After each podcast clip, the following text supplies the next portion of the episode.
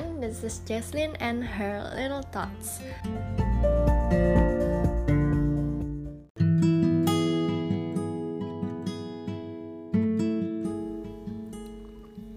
Nah, jadi di episode kali ini aku mau bagiin sebuah cerita. Cerita ini aku translate dari buku cerita Max Lucado yang berjudul You Are Special. Ini bukan cerita biasa karena cerita ini secara pribadi sih memberi aku semangat dan selalu jadi pengingat aku uh, di setiap aku hilang arah. Jadi ceritanya begini. Ada sebuah desa yang berisi The Wemex. Mereka merupakan makhluk-makhluk kayu kecil yang semuanya diukir oleh seorang tukang kayu bernama Ellie.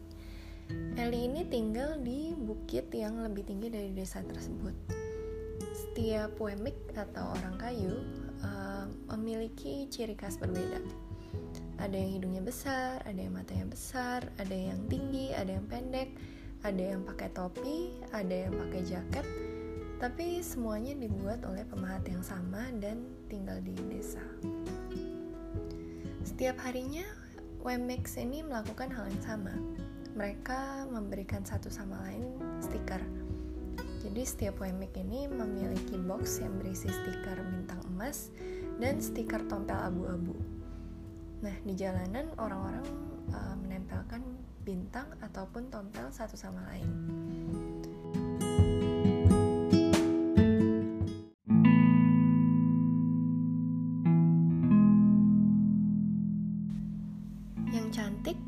Mereka yang memiliki pahatan kayu yang halus, cat yang bagus, selalu mendapatkan stiker.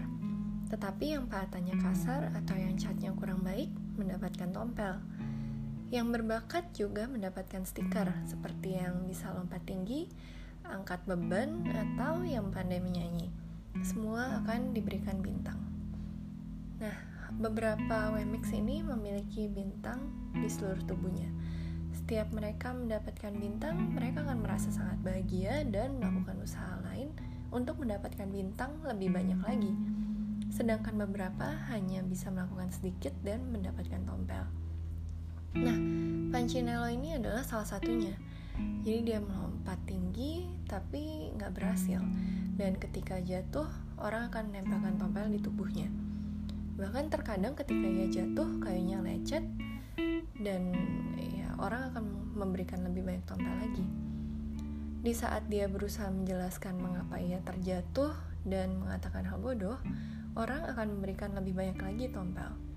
Setelah beberapa saat, ia memiliki begitu banyak tompet dan tidak mau lagi keluar.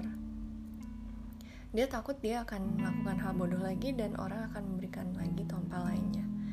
Bahkan karena ia memiliki banyak sekali tompel, orang bisa memberikan tompel tanpa alasan uh, sekedar ya emang dia layak aja memiliki banyak sekali tompel dan ia bahkan tidak layak disebut makhluk kayu kata orang-orang. Setelah beberapa saat Pancinello ini mempercayai apa yang orang katakan mengenai dirinya. Ya aku emang bukan wemik yang baik katanya. Beberapa kali ia keluar, ia bergaul dengan memek yang lain yang memiliki tompel yang banyak juga, dan ia merasa jauh lebih baik.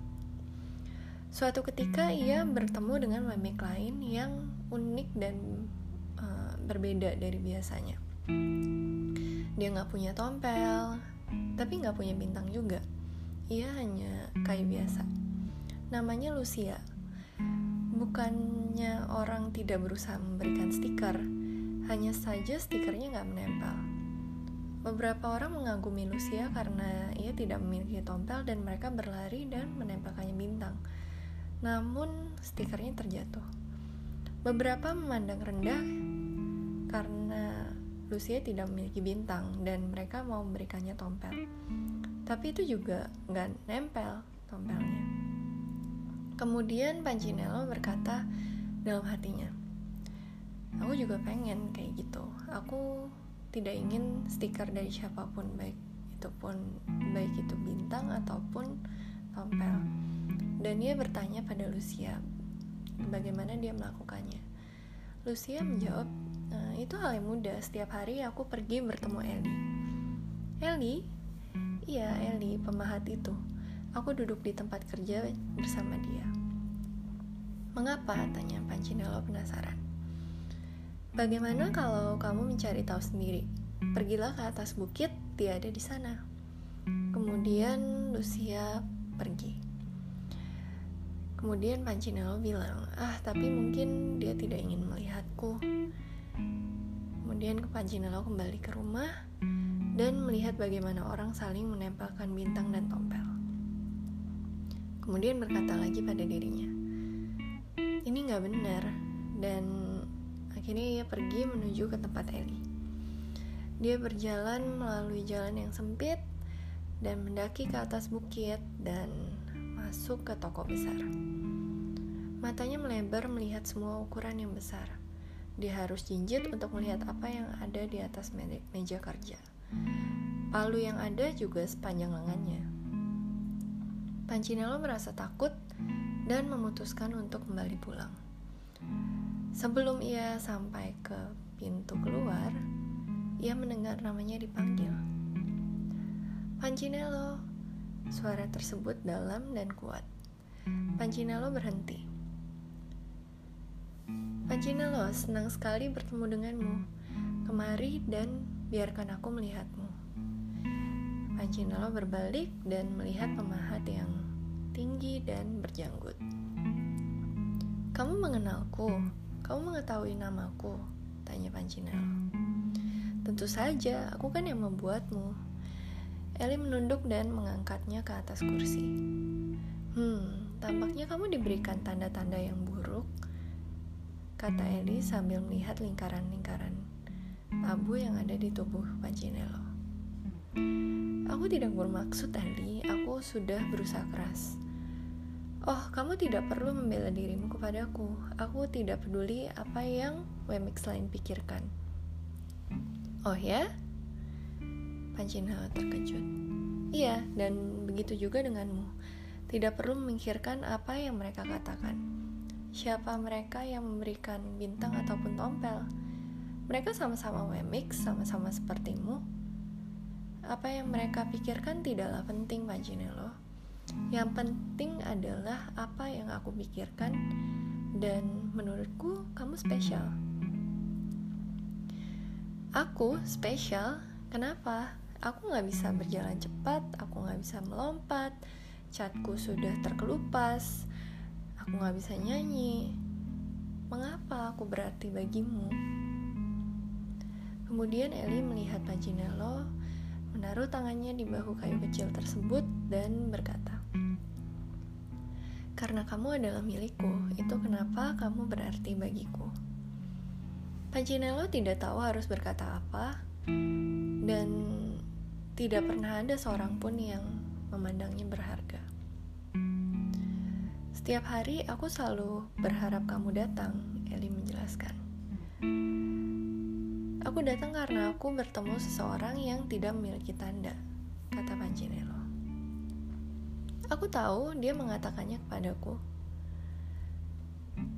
Kemudian Pancinello bertanya, mengapa stiker tidak ada yang bisa menempel padanya? Eli menjelaskan dengan sabar. Karena dia telah memutuskan bahwa apa yang aku pikirkan lebih penting dibanding apa yang orang lain pikirkan. Stiker-stiker tersebut hanya akan menempel apabila kamu membiarkannya. Apa? Benarkah? Iya, stiker akan menempel hanya bila mereka penting bagimu. Semakin kamu percaya dengan kasihku, semakin kamu tidak peduli dengan stiker-stiker tersebut. Hmm, aku tidak yakin aku mengerti. Kemudian kata Ellie, kamu akan mengerti tetapi kamu butuh waktu. Kamu memiliki banyak tanda. Untuk saat ini datanglah kepadaku setiap hari dan biarkan aku mengingatkanmu seberapa pedulinya aku kepadamu. Ingat, kamu spesial dan berharga karena aku yang membuatmu, dan aku tidak pernah melakukan kesalahan. Pancinello pulang dan berpikir, sepertinya ia sungguh-sungguh dan ketika itu juga salah satu tompelnya jatuh. Nah, sekian ceritanya. Jadi uh, aku nggak tahu sih kalau kalian gimana, tapi cerita ini merupakan cerita yang menurutku sih cukup akurat dalam menggambarkan kehidupan kita sehari-hari. Di mana orang dengan mudahnya menghakimi orang lain, uh, menilai orang lain, dan hal-hal seperti popularitas, kecantikan atau ketampanan, kepintaran, hmm, status jabatan, kekuasaan, kesuksesan, dan kekayaan itu menjadi tujuan hidup kebanyakan orang. Seringkali uh, aku menjadi seperti pancing hello sih di cerita ini, diperbudak oleh persepsi orang, insecure, rendah, rendah diri. Tapi uh, yang aku senang adalah cerita ini ngingetin lagi kalau setiap kita itu dicipt diciptakan uh, unik dan spesial. Dan nggak ada yang salah gitu dengan diri kita.